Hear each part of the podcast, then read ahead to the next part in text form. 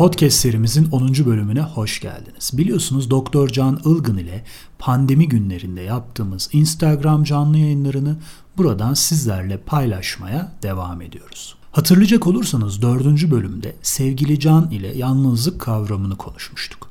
Bu bölümde ise bu konunun devamı olan ruh eşi kavramını ele alacağız. Açıkçası canlı yayın öncesinde Instagram üzerinden iki soruluk bir anket yaptık.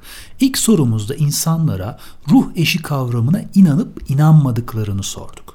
İkinci sorumuzda ise gerçek aşkın ilk görüşte olup olmadığını sorguladık. Gelen yanıtlara göre katılımcıların %67'si ruh eşi kavramına inanmakta. Diğer taraftan %71'lik bir kesim ise aşkın illaki ilk görüşte olmasının gerekmediğini, zamanla da aşık olunabileceğini öne sürmekte. Yaklaşık 45 dakika süren sohbetimizde ruh eşi kavramını bilimsel olarak kapsamlı bir şekilde ele almaya çalıştık. Ardından söz konusu partner seçimi olduğunda beynimizin bize ne anlatmak istediğini konuştuk mükemmel erkek ve mükemmel kadının bir araya gelemeyişinden tutun görücü usulünün nörobilimsel temellerine kadar birçok meseleyi yorumlamaya çalıştık. Şimdi gelin 2020 yılı Mayıs ayına ait bu kaydımıza kulak verelim.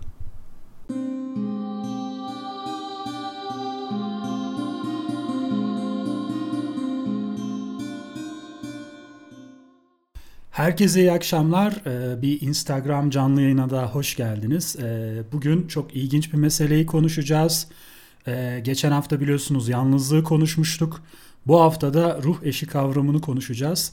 Şimdi önce Can e, bir kere ilk başta kim demiş hatta Fatma Kin 01 demiş ki e, yalnız bu sefer sorulara da cevap verin şeklinde. E, şimdi ben yorumlarda çok hızlıca sorulara baktım ve şimdi seninle bazılarını paylaşacağım böyle spoiler şeklinde. Harika süper. Şimdi Hilal demiş ki aşk beyinde mi kalpte mi bu bir paradoks biliyorsun bunu konuşacağız. Hı hı. Mundo Patria'nın ilginç bir sorusu var diyor ki 20 yıl önce ruh eşi olarak görülen kişi 20 yıl sonra da bu kavramını koruyabilir mi? Hı. Bence bu çok güzel bir şey. Yani Süper. kişi değiştiğinde ruh eşi beklentileri değişir mi? E, Şule'de Cel Sayar her 10 yılda ben ciddi değişimler gösteriyorum. Buna göre değişir gibi bir yorum yapmış. Her hayra muhtaç çok ilginç bir şey söylemiş. Evleneceğimiz kişiye karşı illaki bir elektrik olmalı mı? Yani e, hani aslında iyi bir insan olması işte vesaire yeterli mi? İlginç bir şey daha sormuş Can. Yaş farkı. Hı hı. Aşkta yaş nedir? Bunu da konuşacağız. Reyhan Alkan doğru kişiyi nasıl bulacağız demiş. Onun e, yöntemlerinden bahsedeceğiz. Elif Tuğba Ok demiş ki herkesin tek ruh eşimi var ve bununla nasıl zamanda denk getireceğiz? Bunu da konuşacağız. E, Rukiye Basan e, toparlıyorum. Ruhunu sevdiğimiz kişinin tutumları itici olamaz mı diyor. Bu da çok ilginç bir soru. Deniz Zor en zor soruyu sormuş. Deniz Zor LLL ya da 3.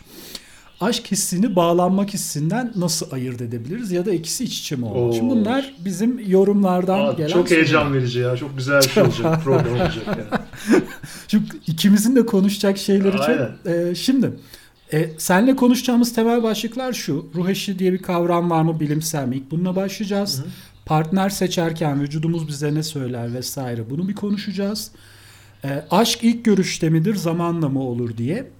Bunun dışında benim sana sürpriz kazık sorularım var. Tamam hazırım. Mesela şimdi cevaplamayacaksın ama tamam. önceden söyleyeyim de kafanda toparlansın. Mesela mükemmel kadınla mükemmel erkek niye hiç bir araya gelemez? Vardır ya öyle Hı-hı. klasik bir şey. Bu efendi insan ve serseri insan tercih. Ya bunun cinsiyeti yok. Genelde kadınlar kullanıyor. Yani efendi erkek E, işte şey serseri erkek diye ama aynı şey iki taraf için de geçerli. Ya niye böyle bir serserilere karşı veya kötülere karşı daha bir ilgimiz var? Bu bir soru. Çok ağır ve kazık bir sorun var sana. Görücü usulü biliyorsun yani ülkemizde e, bir sürü ilişkiyi belirleyen bir unsur. Bunun fizyolojik temeli hakkında bir konuşuruz. Ve monogami, Hı. poligami yani çok eşlilik niye var, neden var bunu konuşacağız. Hı. Sen çok ilginç bir şeyden bahsedeceksin. Bunları hep kısa kısa söylüyorum. Yakında bir makale yayınlandı. Sen paylaştın benimle. Can paylaştı. Hı-hı. Çok güzel bir şey. Flörtte başarıya ulaşmanın bilimsel kuralları. ya burada 47 adet kural verecek size Can. Hepsine girmeyiz tabi ama o, o da çok çok ilginç. Şimdi Can başlamadan önce topu ilk sana açacağım ama ben bugün bir değişiklik yaptım. İnsanlara sordum temel konuşacağımız iki soruyu. Onun istatistikleriyle izin verirsen ba- başlayalım. Ben de çok merak ediyorum ya anketlerin ne çıkacak sonucu. Şimdi ruh eşi kavramına inanıyor musunuz diye sordum. 4635 kişi evet dedi. 2285 kişi hayır dedi. Yani %67 e, ruh eşi diye bir kavrama inanıyor ve çok yüksek değil. Yani ama büyük bir çoğunluk inanıyor. İkinci sorum benim çok çok merak ettiğim bir soruydu ve tahmin ettiğim cevaplar geldi. Aşk dediğin ilk görüşte mi olur yoksa zamanla da olur mu şeklinde. 2086 kişi demiş ki aşk yalnızca ilk görüşte olur. Ki bu %29'a tekabül ediyor. Zamanla bu iş olur diyen 5192 kişi var. Muhtemelen zamanla e, bu işi yapan insanlar. Onlar da %71'e e, geliyor. Şimdi Can, ruh eşi kavramına inanıyor musun? Hani istatistikleri verdik. Ee, şöyle, şimdi çok kazık soru. Başlığımı şunu söyleyeyim. Kısaca söyle sonra açıklayacaksın zaten. Mesela ben ruh eşi kavramına inanıyorum. Benim cevabım şöyle olacak. Evet ve hayır. Yani Schrödinger'in kedisi gibi bir cevap vereceğim. Nedenini de sana söyleyeceğim. Şimdi şöyle, e, sen bunun mitolojik kısmını ya da işte hikaye kısmını çok daha iyi anlatırsın ama gerçekten bu e, insanlığın en eski inançlarından bir tanesi aslında. Yani hani bizim için birinin bir şekilde bir yerde yaratılmış olduğu, bizi beklediği, bir şekilde hayatımızın onunla buluşacağı, karşılaşacağı gibi. Böyle bir inanç var. Bir sürü toplumda birbirinden bağımsız olarak ondan sonra oluşmuş bir inanç. Çok eski ve insanı gerçekten çok güvende hissettiren bir inanç aslında.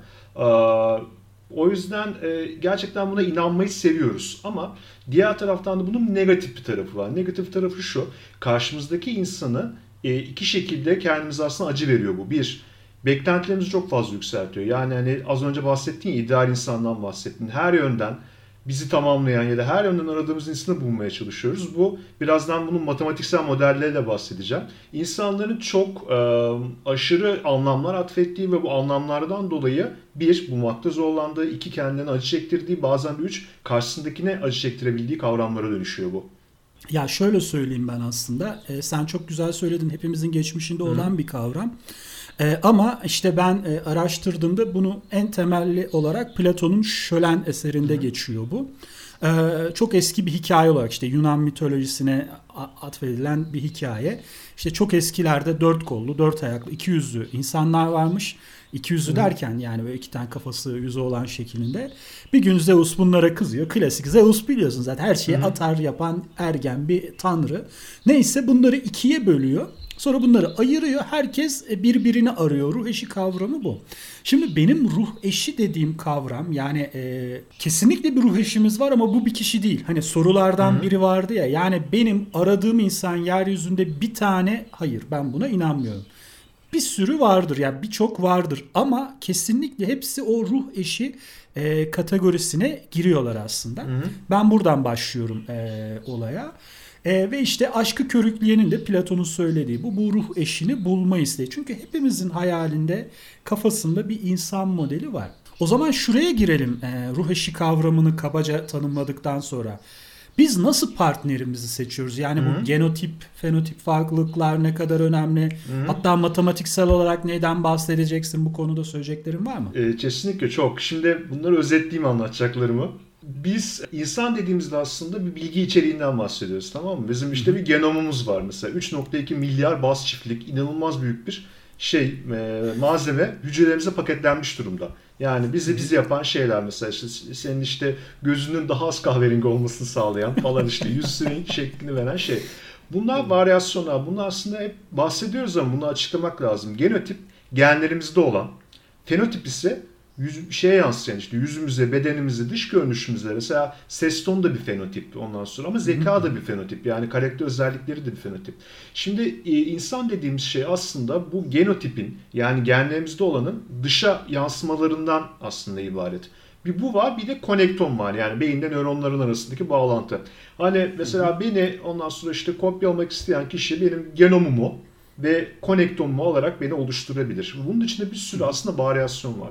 Biz partner seçerken yaptığımız şey bu varyasyonlara aslında bakıyoruz. Yani bu varyasyonlardan bazı şeyleri seçmeye çalışıyoruz. Tamam mı? Mesela hep böyle geyikler döner mesela. Ben sarışınlardan hoşlanırım. Ben esmerlerden hoşlanırım. Ben uzun boylu severim. Kısa boylu severim. Bunun aslında belli bir fenotipik paterni seçme anlamına geliyor. İtiraz ediyorum. Kısa boylu severim diyen var mı gerçekten? Vardır ya minyon kızlardan hoşlanan bir dolu adam vardır. Minyon yani. kızlar. Peki. Peki. Ha. Belki bu belki bu minyon erkeklerin tercihi de olabilir. Bilmiyorum. Ama yani şu şu var yani ne kadar kişisel fenotipimiz olsa da Hı-hı. hani sağlıklılık göstergesi açısından hep evrimsel bir altyapı temel şey var. Şimdi burada da kısaları yakmayalım. Hani onun için söylemiyorum ama hani bir e, şey olarak e, söylemek istediğini temel anladım.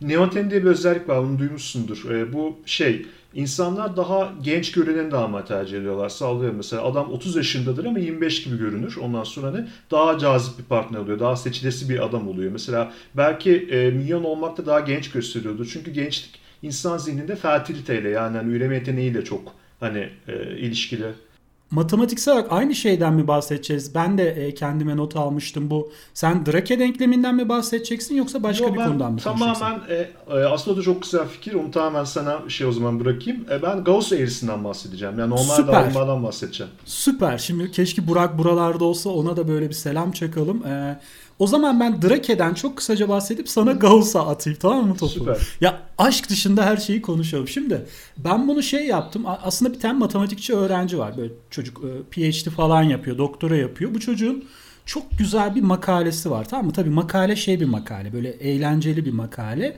Hani bilimsel bir dergide yayınlanmamış ama oldukça bilimsel. Neden bir kız arkadaşım yok? Şimdi çocuğun sorusu bu. Ya yani birçok insanın neden e, işte Hı-hı. bir sevdiğim yok şeklindeki bir sorusu. Ve bunun için şey hesaplıyor. Yani benim niye kız arkadaşım yok ve ben bunu nasıl bulabilirim hesaplamaya çalışıyor. Bunun için kullandığı yöntem Drake denklemi diye bir yöntem.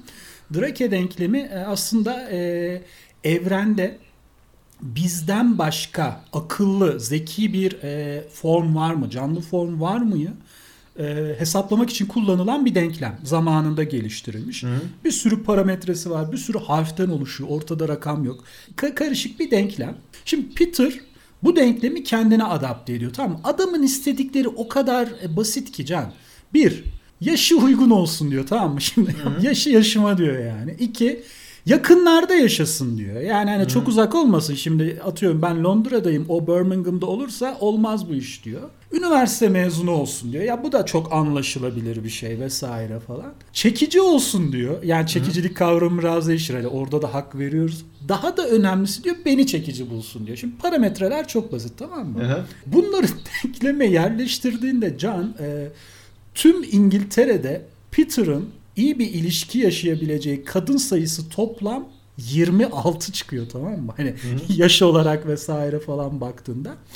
Ve e, matematiksel olarak şöyle bir hesap var çok hoşuma gidiyor benim. Londra'da bir gece dışarı çıktığında kendisine uygun kadın bulma şansı o kadar düşük ki bir, ilk bir gecede söylüyorum ama tüm totalde değil. Yani bir gece dışarı çıktı hayatının aşkına işte o ideal kişiye rastlama olasılığı o kadar düşük ki evrende bir canlı bulma olasılığımız bundan sadece 100 kat düşük. Ya yani arada 100 kat var sadece tamam mı? Yani hani bu kadar ya evrende canlı bulmak kadar e, 100 kat daha kolay en azından evrende canlı bulmaktan Hı-hı. öyle söyleyeyim.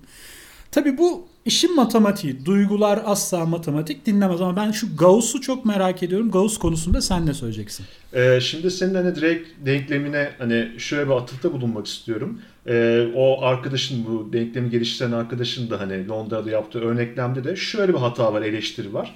Ee, bizim aslında uzaylıları bulamamızın nedeni doğru yere bakamıyor olmamız olabilir. Şimdi şöyle hani tamamen ölü bir yıldız sistemine baktın diyelim ki yaşamı desteklemeyen gezegenler var. Tabii ki bulamazsın. Belki de bizim yaptığımız şey tamamen hatalı. Belki yanlış radyo sinyallerini dinliyoruz gibi. Ee, bu partner bulmada da şeye döneceğim aslında Gauss'a döneceğim ama e, esas şey şu sıkıntı şu e, bu arkadaşın mesela diyelim ki denkleminde ortak ilgi alanları var diyelim. Mesela ortak ilgi alanı inanılmaz bir şey. Bu 47 maddenin aslında en önemli maddelerden bir tanesi de ortak ilgi alanı.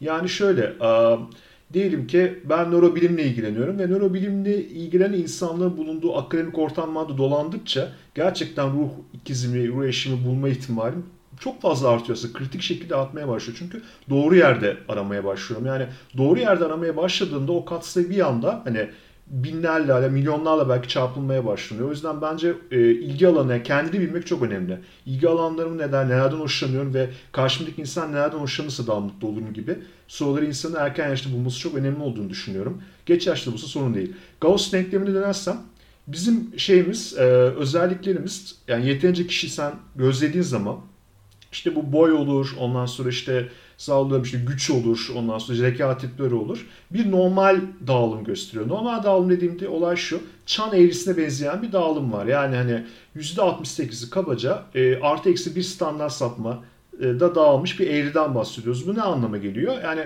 ortalamalarının ortalaması ortalama yakın gibi komik bir şey var yani bunların tanımı var. Yani demek demek istediğim çok basitçe özetlersem Gauss eğrisini aslında insanların çoğu bunu negatif anlamasın kimse vasattır. Vasat derken şu ortalamanın biraz üstü ya da biraz altıdır. Şimdi partner arayışında ekstrem uçlara, aşırı uçlara gidildiğinde partner bulma ihtimali logaritmik şekilde düşüyor.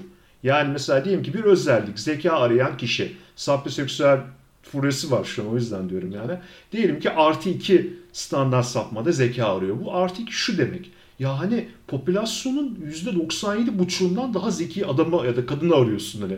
Şansın bir anda yüzden şeye düşüyor. 2,5'a düşüyor. Gidip gerçekten de hani e, işte zeka geriliği ya da engeli olan birini arayın demiyorum. Ama diyorum ki insanların çok büyük kısmı Üçte ikisi zaten ortalama zekanın biraz üstü ya da biraz altı. Tüm özellikler için geçer bu. Güç için, güzellik için, dış görünüş için. O yüzden benim şöyle bir tavsiyem olabilir. Vasatı aramak şansını çok fazla arttırıyor bir konuda. Ama gerçekten istediğin bir özellik varsa onda gerçekten git ama her şey artı 2 artı 3 standart sapmalı aradığında yani şey e, sonu hüsran o İngiltere'deki kardeşimizin başına gelen şey gerçekleşiyor. Ya Can öyle bir konuştun ki şöyle konuştun. Nasıl konuştun biliyor musun? Yaşı 30 civarında olan ama henüz yalnız olan bir kişinin annesi ya da babası gibi konuştun. Adam matematik böyle diyor ya ben ne yapayım? Ya işte o yüzden anne babaların hastasıyız. Yani bak benim annem hiç Gauss bilmez ama ben 30'lardayken oğlum tamam hani çok da abartma. şeklinde. ya çok çok çok çok ilginç gerçekten. Ee, yani verdiğin şey şu. Ortalama e, o ortadaki kısım çok geniş bir e, çan eğrisi ve e, oralarda arayın hani çok uzaklaşmayın. Çok seçici olursanız şey olur bulamayabilirsiniz. Ya yani bu şey gibi ya hani bununla ilgili çok sevdiğim bir örnek var. Hani eş seçimi biraz park yeri bulmak gibi. Yani dolaşırken hep o hissiyat var ya, ya daha iyisini bulurum, daha iyisini bulurum derken bir anda her yer doluyor ve hiçbir şey bulamıyorsun gibi de bir kavram. Peki Can, şimdi gelelim asıl sorularımızdan birine. Şimdi şey konusunu konuşacağız. Bu fenotip ve genotip hani e, feromonlarımız, işte e, bir takım özelliklerimiz, bağışıklık sistemimiz birbirimizi etkiliyor. Bunları konuşacağız ama eş seçiminde özellikle. Önce şu ilk görüş mevzusunu bir konuşalım. Yani ee, ilk görüşte aşka ikimiz de dedik ki evet aşk dediğin ilk görüşte olur. Önce ben seni bir dinleyeyim sonra ben konuşayım istiyorsan. E, hep diyoruz ya 80 milyar, 86 milyar bir nöron sayımız. Çok fazla nöronumuz var. 86. Evet. Yani e, bu kadar fazla nöronu olan inanılmaz makineden bahsediyoruz aslında. Yani hani bir görüş dediğimiz şey aslında ne? Görüş aslında muazzam bir şey. Anlatabildim mi? Bunun altında acayip bir şey var. Sen benden çok daha biliyorsun. İnanılmaz bir fizyoloji var. Ondan sonra nörobilim var. Ee, yani biz aslında baktığımız şeyde bakmanın ötesinde görüyoruz. Yani bunu bir sürü merkez aynı anda değerlendirmiş oluyor. Bunun için neler var ilk görüşün içinde? yüz yapısından ondan sonra işte hani e, bir sürü sağlıkla ilgili parametreyi de değerlendiriyoruz ondan sonra işte hani işte yüz yapısı, deri yapısı, ne bileyim işte el ayak yapısı, boyu, beden kitle indeksi, beden dili aynı anda çok hızlı şekilde tıp eğitimi ya da fizyoloji bilmememize rağmen bir muayene ediyoruz ya. Ya diyoruz ondan sonra çok ciddi bir sorun var mı hani Hemen buna bakıyoruz. O yüzden hani zaten ilk görüş dediğimiz şey inanılmaz bir hesap kapasitesi aslında. Beyin acayip şekilde böyle tarıyor böyle. Terminator Robo, Robocop'un böyle düşmanı taradığı gibi bir anda hedefini tarıyor ve bir sürü şey veriyor, çek veriyor. Tamam işte hani işte güzel çat, işte zeka artı iki standart sapma bilmem ne çat çat. Ondan sonra sarışın çek falan böyle tüm hangi özellik arıyorsa bir anda beyin zaten bunları diziyor. Ve ondan sonra diyoruz ki Aa, ilk görüşte aşk. Aslında bu beynin inanılmaz bir değerlendirme yeteneğinin özelliği ama beyin mükemmel mi? Değil tabii ki. Bir sürü hata yapıyor. Normal bilgisayar gibi beyin de bazen çok hatalı ilk değerlendirmeler yapabiliyor. O yüzden olabildiğince veri alımını arttırmak ve hani o e, anketine cevap verenlerin hani şey var %70'i hani yanlış hatırlamıyorsam şeydi hani zamanla gelişir. O zamanla gelişmesi de işte beynin daha fazla veriye anlam vermesi hani daha derin belki asosyasyon alanlarını belki daha e, ileri kısımlarını kullanarak daha ileri kısımlarını kullanarak değerlendirmesi anlamına geliyor ama ilk görüşte gerçekten de önemli. Önemli bir bize veri sağlıyor diye düşünüyorum. Ya şöyle söyleyeyim ben sana şimdi ilk görüş şimdi aşkın fazlarını ben çok konuştum ama burada çok kısaca söyleyeceğim. Önce hani ilk görüşte ne oluyor? Fenil etil amin fazı, FA fazı. Benim bütün insanlığın aşık olduğu faz o aslında tamam mı? İşte e, böyle dağları deldiren, saçma sapan işler yaptıran, aklını alan kavram. Şimdi fenil etil amin fazında dediğin gibi beynin hesaplama e, şeyi inanılmaz ama beyin burada bize bir kazık atıyor. Şunu yapıyor. Aslında fizyolojik ihtiyacına göre bir hesaplama yapıyor. Tamam mı karşı tarafta? Mesela şey demiyor. Karşıdaki kızın mesela ben bir kıza baktım. O kızın göz rengini bana bir parametre olarak alıyor. Hı. Ama şey demiyor mesela ya bu kız Serdar Ortaç mı dinliyor? Judas Priest mi dinliyor? Bunu söylemiyor mesela Hı. bana. Onun umurunda değil. Evrimin umurunda olan ben bunların genetik anlamda bunlar ne kadar uyumlu. Yani çok ciddi bir e, şey aslında. E, sosyal kısma çok önemsemeyen e, ama genetik anlamda bizi meçle, eşleştirmeye çalışan bir sistem. İşte e, mesela işte kokudan e, bunların e, bağışıklık sistemleri uygun mu değil mi o topu sana atacağım. Doğal olarak feniletil amin de bizi köreltiyor da bir, bir aşkın gözü kördür diyorlar ya. O fazla biz kör oluyoruz. Niye kör oluyoruz? Çünkü sadece ve sadece o biyolojik özellikleri bizi beyin odaklıyor. Hı. Diyor ki hacı bu çok iyi sen bunun peşinden git. Mesela bir sürü ailede vardır. Annesi babası kızına der ya kızım bu serseri çocukta ne buluyorsun falan ama kız onları duymaz bile. Ben onu çok seviyorum Hı-hı. şudur budur. Anne baba kızını çok seviyor ya ondan daha şey analitik değerlendirecek biri var mı ama kız kör olmuştur. Hı. Hatta ben hep şunu söylüyorum. Hani derler ya işte Samet çok değiştim falan hani e, zamanla beraber. Aslında Samet falan değişmedi. Yani siz o dönemde kördünüz. Samet hep aynıydı. Hı. Daha sonra gözünüz açılıyor ve diyorsun ki Samet çok değişti. Hayır. O zaman işte beynin diğer parametreleri değerlendirmeye Hı. başlıyor. Şimdi fenil etil amin en kuvvetli faz, en çok coşku duyduğumuz faz ve bizi en mutlu eden faz dopamin, norepinefrin, vazopresin yani eğer beynin bir sosu varsa bundan mükemmel bir sos yok. Bir kere bu fizyolojik süreç devam edemez can. Niye? Yemeden içmeden kesiliyorsun. Sadece onu düşünüyorsun. Hı. Kendin için değil onun için yaşıyor. Çocuk kısa kollu. Yanındaki kız mont giyiyor. Çocuk kendi montunu kıza veriyor. Hani üşüme diye. Ya bu mantıklı bir karar değil tamam mı? Kendi kısa kolla dolaşıyor. O nedenle aşk dönüşüyor. Aşkın dönüştüğü fazla oksitosin fazla. Şimdi ben aşkın fazlarına çok girmek istemiyorum ama oksitosin de bizim birbirimize bağlı kaldığımız faz. Yani buradan insanlara şunu söyleyelim. Aşk ölmez. Bu, bunu çok net söyleyeyim ama aşk dönüşmek zorunda. O ilk baştaki ateşli aşk, aşırı romantik aşk, aşırı arzulu aşk devam edemez. Bu bir fizyolojik ihtiyaç. O nedenle hı hı. bazı insanlar diyor ki Evet ben o güzel hayali yaşadım. Bu anılarımda kalacak. Artık oksitosin fazına geçtim. Sevdiğimle birbirime sonuna kadar bağlıyım. Bazısı da diyor ki yok ya olmaz ben bu hali çok sevdim. O yüzden eşinden veya sevdiğinden uzaklaşıp o hali yaratacak başka birine e, yöneliyor. Çünkü o hal ancak bir kişi de olabiliyor. Yani daha doğrusu kişi de bir kere olabiliyor. Yani 3 sene sonra aynı kişi de yine olur mu? Bu da tartışmaya açık. Şimdi bu burası çok derin bir kuyu. Ben böyle yine e, uzun uzun konuşmak istemiyorum ama şu şey hakkında konuşalım mı? Hani bu konuda söyleyeceklerim varsa yine söyle. E, şeye bağlayalım bir de ya bu Hani dedin ya bir sürü data inceliyoruz. Bu datalardan bahsedelim. Mesela Hı-hı. bağışıklık sistemi bu konuda çok güzel bir örnek.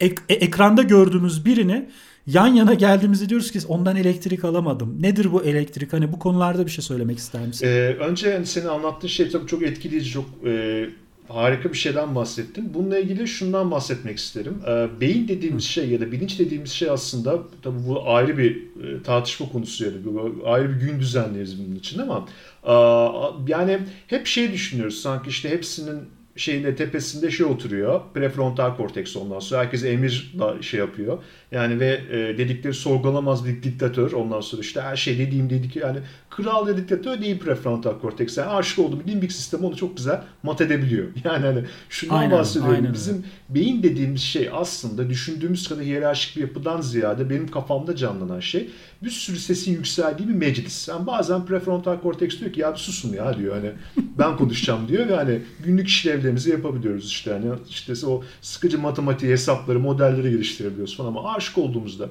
limbik sistem öyle bir sesini yükseltiyor ki ondan sonra diğerlerinin sesini bastırıyor.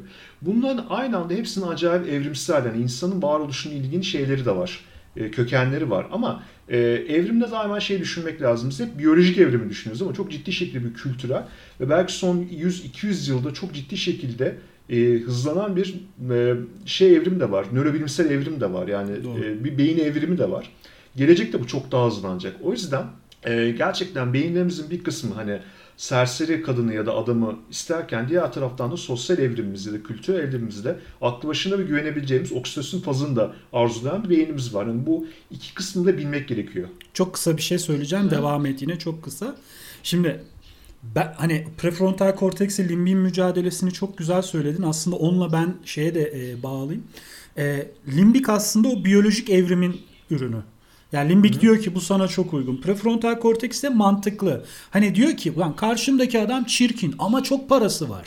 hani korkunç parası var. Yani ben o parayla bir sürü dopamin satın alıp e, vücuduma sürebilirim diyor. İşte bunu söyleyen prefrontal korteks. Limbik de prefrontal korteks kapışırsa limbik her zaman kazanır. O kesin. Ama Hı-hı. şöyle ben e, şey yapayım. İlk görüşte aşk limbik tabanlıdır. Limbik karar verir. O yüzden ilk görüşte aşk olur. Sonradan görmeyle olan aşka prefrontal korteks aşkı diyebiliriz. O da neyden dolayı? Çünkü zaman içerisinde değerlendiriyorsun. Aa ne kadar efendi. Aa aynı takımı tutuyormuşuz. Bir de şu var Can onu da ne olur unutmasın insanlar. Bir insana ne kadar çok maruz kalırsak o insanı o kadar daha çok çekici buluyoruz. Bu da biyolojik bir şey. İlk girersin bir ofise dersin ya bu kız çok güzel değil veya bu oğlan çok yakışıklı değil. Zaman içerisinde Can da hiç fena değilmiş falan dersin. Bunlar hep prefrontal korteks. Tekrar top Hı-hı. sende. Ee, o zaman ben ikinci soruna geçiyorum. Hani tamam. neden bir araya geldiğimizde hani birbirimizde elektrik alırız da alamayız muhabbeti. Evet. Bu aslında çok ciddi şekilde yani beynin yaptığı hesaplardan bir tanesi. Olabildiğince aslında şöyle diyeyim doğa varyasyonu sever. Yani e, insanlar biliyorsun çok farklı işte deri renklerine sahipler, boylara, ondan sonra ses tonlarına, ondan sonra bazı hatta bazı ırklarda özelliklerde kadın ve erkek birbirine çok benzer mesela uzak doğuda oldukça benzer yapıdılar ama batıda mesela Afrika'da daha farklılar. Hani bunların hepsi birer varyasyon ve doğa bunları çok seviyor. Niye çok seviyor? Aslında bunun çok ciddi şekilde bir şeyi de var e, immün sistem açısından aslında sadece immün sistem değil birçok sistem açısından avantajı var. Neden? Çünkü e, bizim aslında dokularımızın bir kimliği var. Hepimizin şey, TC kimliği olması gibi dokularımızda bir kimlik kartı var. Sen bunlara çok detaylı bahsettin. İmmün sistem, bağışıklık sistemi videonda. Şimdi dokuların e, buna antijenik kimliği diyoruz. Her dokunun bir antijenik kimliği var. Antijen proteinlerin kimlik kartı demek. Şimdi doğa bunu olabildiğince çeşitli hale getirmek istiyor ki bu bize çeşitli konularda direnç sağlıyor. Mesela bir virüs ya da bir bakteri hücrelerimize saldırdığı zaman ondan sonra hücrelerimizin yüzeylerindeki bu proteinler aracıyla hücrelere giriş yapıyor.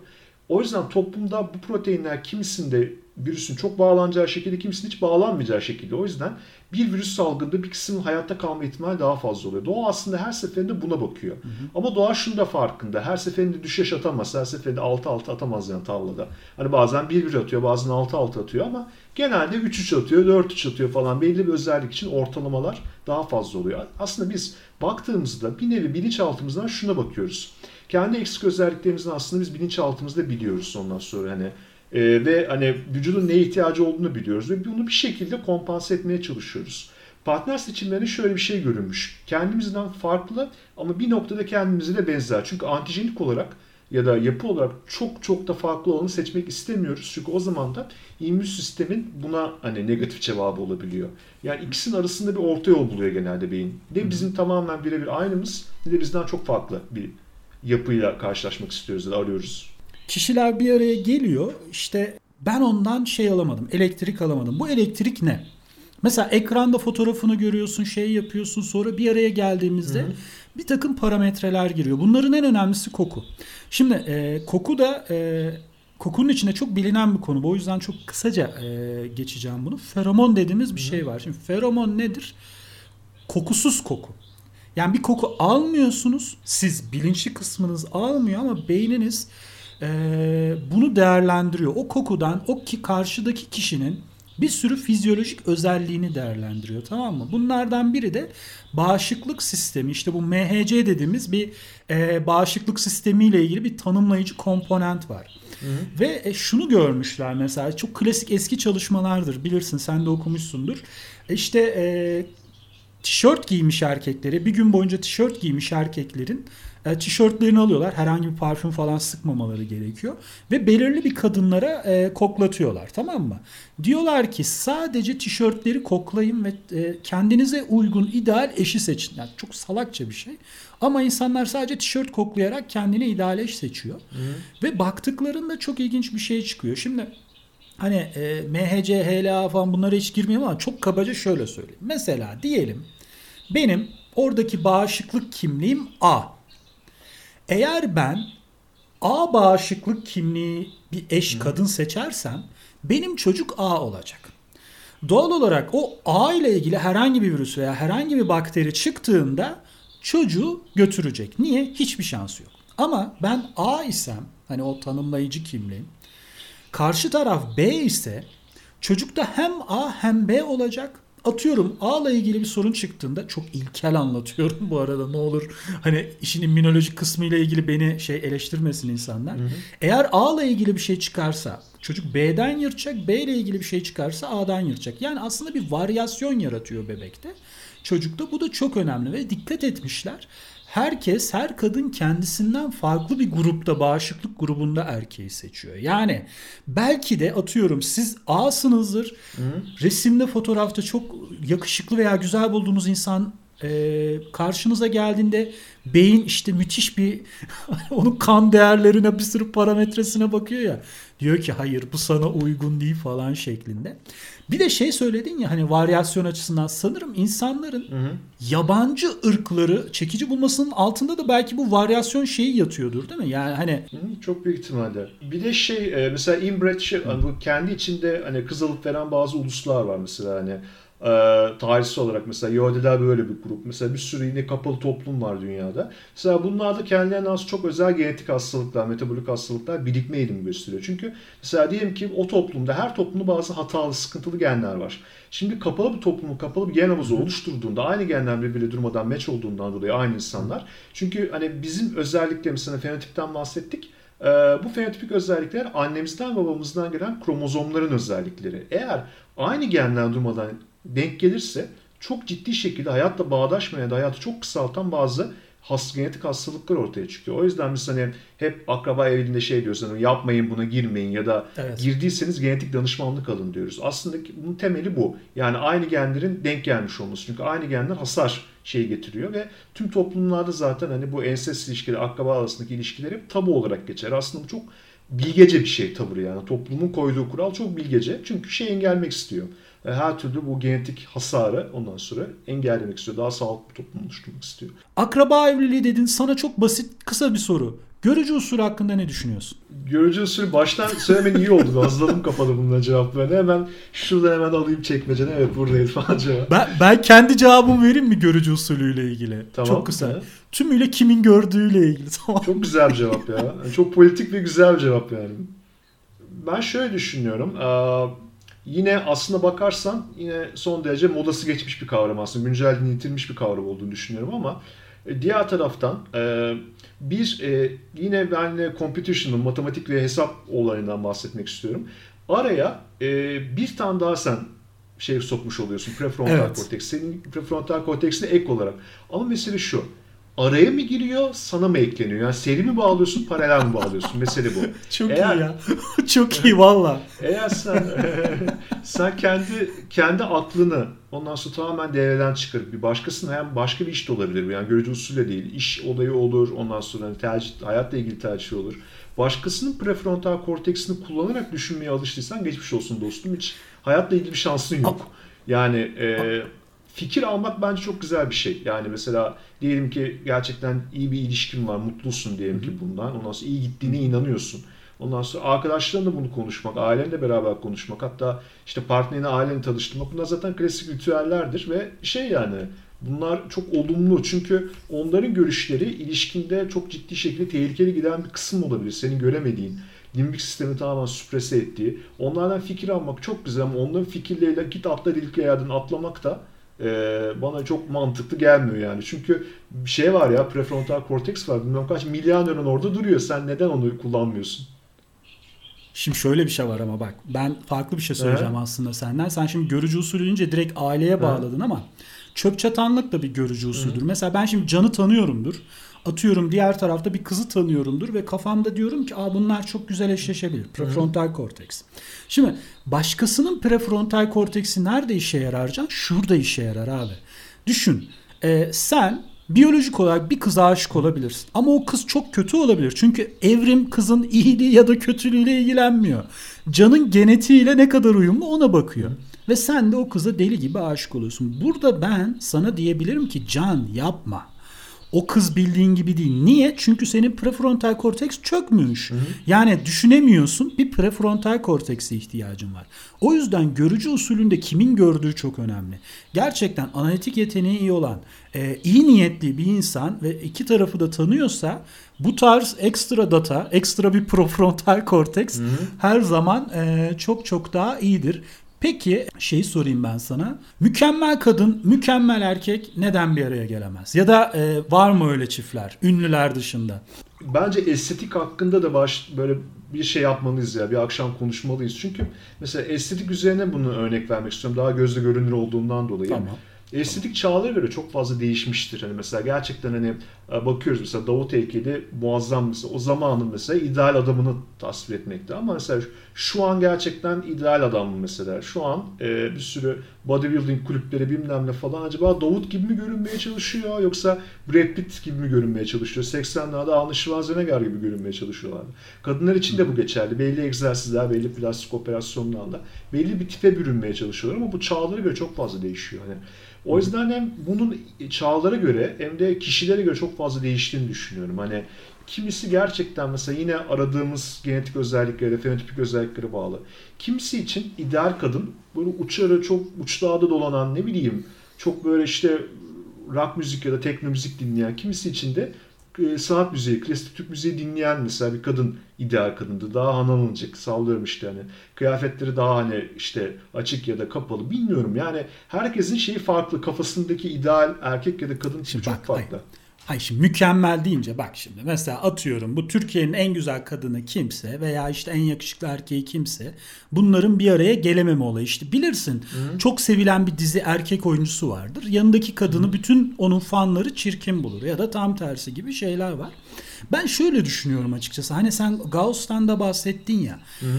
Bu sistem e, biraz şey yapıyor. Hani o ortalamayı yaratmak istiyor birazcık da. Uçlar çünkü evet. tehlikeli. Uçlardan düşebilirsin. Herkesi mükemmel yaptığında bir anda gidebilir. O yüzden ortalama güzeldir. Çeşitlilik güzeldir diyor.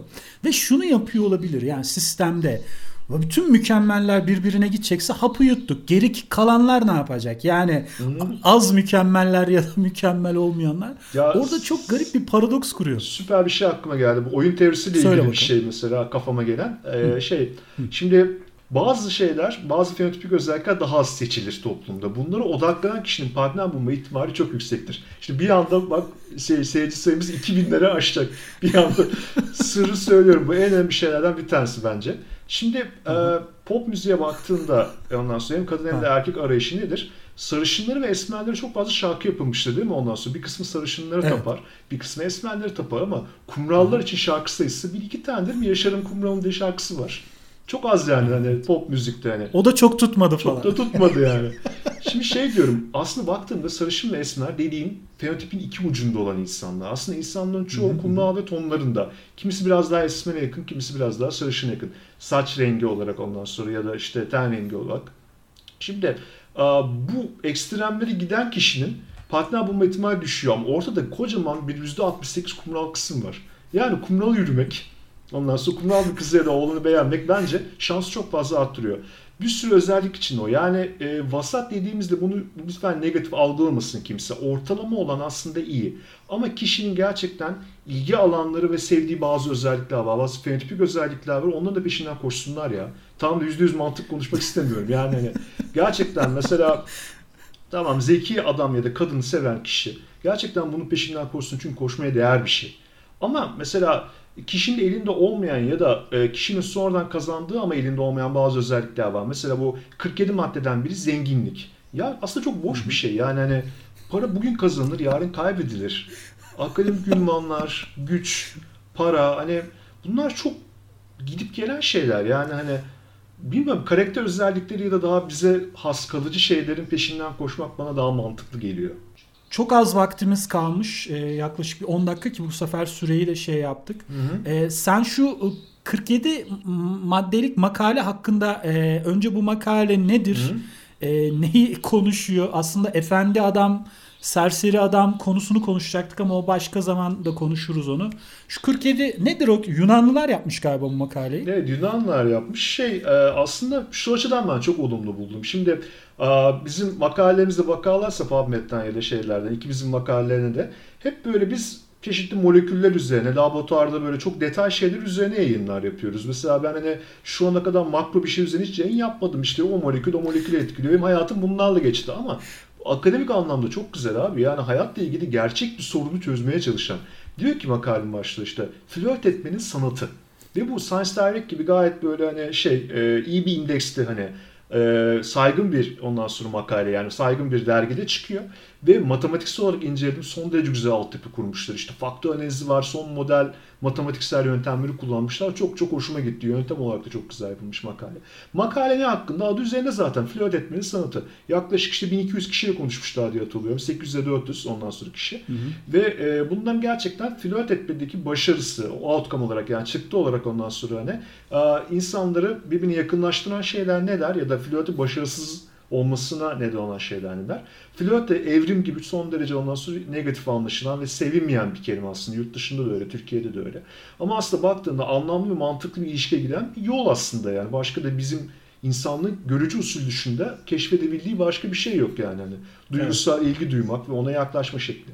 Ama e, bazı insanlar bunu gerçekten çok yanlış anlıyor. Yani sana işte önceki sohbetlerimizde de bahsetmiştim. Bazı insanlar tamamen reptil ve sürüngen beyniyle flörte yaklaşıyorlar ve hani bunun sonu gerçekten de çok kötü yerlere varabiliyor. Üçüncü sayfa haberlere doğru, doğru gidebiliyor. Eğer bu yapılacaksa gerçekten en üst seviyede ve bilimsel olarak e, kanıtlanabilir, bilimsel olarak e, kanıtlanmış yöntemler yapılmalı ama yazarlar 47 maddeye sığılmış son cümlede şöyle diyor makalede. Daha fazla araştırma yapmak lazım. Yani biz bir şeyler ortaya koyduk. o, o, o klasik ama. Klasik. O klasik ama yani bir makale nasıl biter? Ya daha çok araştırmaya ihtiyaç var. Ama gerçekten şey yok abi. Biliyorsun tarama yaptık seninle ikimiz de veri tabanlarında. Hı hı. Ruh eşiğiyle ilgili bir, bir tane ne makale bulabildik PubMed'de yani. O da direkt belki ondan bahsedersin. Kırık kalbe iyi geliyor mu diye yani. Çok bu süper ona, ona hiç girmeyin. Hı. Burada sen bana hani e, WhatsApp'tan da bakabilirsin He? istiyorsan. Bir altını mavi çizdiğin, bir kırmızı çizdiğin alan evet. var. Onunla ilgili bir şey söylemek ister misin ya da süremiz dar ona da hiç girmeyelim. Ya, e, kabaca şunu söyleyebilirim o zaman o makaleyle ilgili. İlgimi çektiği için sana onu şey yaptım. E, dimorfizm yani iki cinsiyet arasında herhangi bir özelliğin farklı olmasının dimorfizm adı verilir.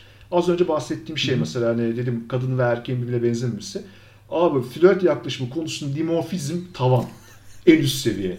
Çünkü şu. Erkeklerin aradığı şeyler farklı, kadınların aradığı şeyler farklı. Ortak çok taraf var. Ama e, yapılan faktör analizinde dimension reduction'ları yani boyutları azaltmışlar. Kabaca özetlemişler bunu. Lütfen detaylı şekilde okuyun makaleyi. Deniyor ki erkek için en önemli şey dış görünüş. Fiziksel olarak çekici olması. Bu Yunanlıların görüşü dışında, bu arada. O makalenin görüşü tabii, tabii. tamam mı? Ha. Tabii onu, hatta şöyle diyelim Yunanlılar da demeyelim. O kişilerin yani makaleyi seçtiği örneklem popülasyonun e, şey görüşü yani bu. Yani o o makalenin görüşleri. Onun evet, altını çizeyim. Senin evet. görüşlerin gibi algılanmasın diye. Aha. Ee, erkekler bu makaleye göre bu örneklemdeki erkeklerin en çok önemsediği şey dış görünüş ama diğer şeyler önemsemiyor değiller. Ama anlam, istatistik olarak anlam bir şekilde bunu önemsiyorlar. Kadınların önemsediği şeyler ise çok daha çeşitli, biraz daha soyut şeylerdi baktığımızda.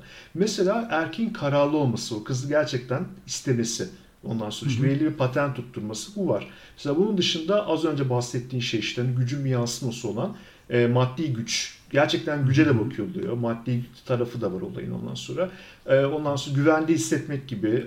Ve en en önemli şey aslında bizim en çok atladığımız gentle approach diyor. Hani nazik ve bir centilmen olarak yaklaşmak. Aslında erkekler de bunu önemsiyor. Ama kadınlar bunu biraz daha fazla önemsiyor. İstatistik olarak anlamlı olarak önemsiyor. Nazik olmak. Yani aslında flörtte en çok kaçırdığımız şey bu. Ee, özellikle insanlar reddedildiğinde ya da istediği gibi yaklaşamadıklarında çok kabalaşabiliyorlar. Ama böyle yapmamak gerekiyor. Olabildiğince nazik şekilde davranmak gerekiyor. Bu hem insani açıdan çok önemli hem de flört şansını çok fazla arttıran bir faktör deyip sana paslıyorum. Şu soru çok geldi Can. Bazen emin olamıyorum. Acaba o mu?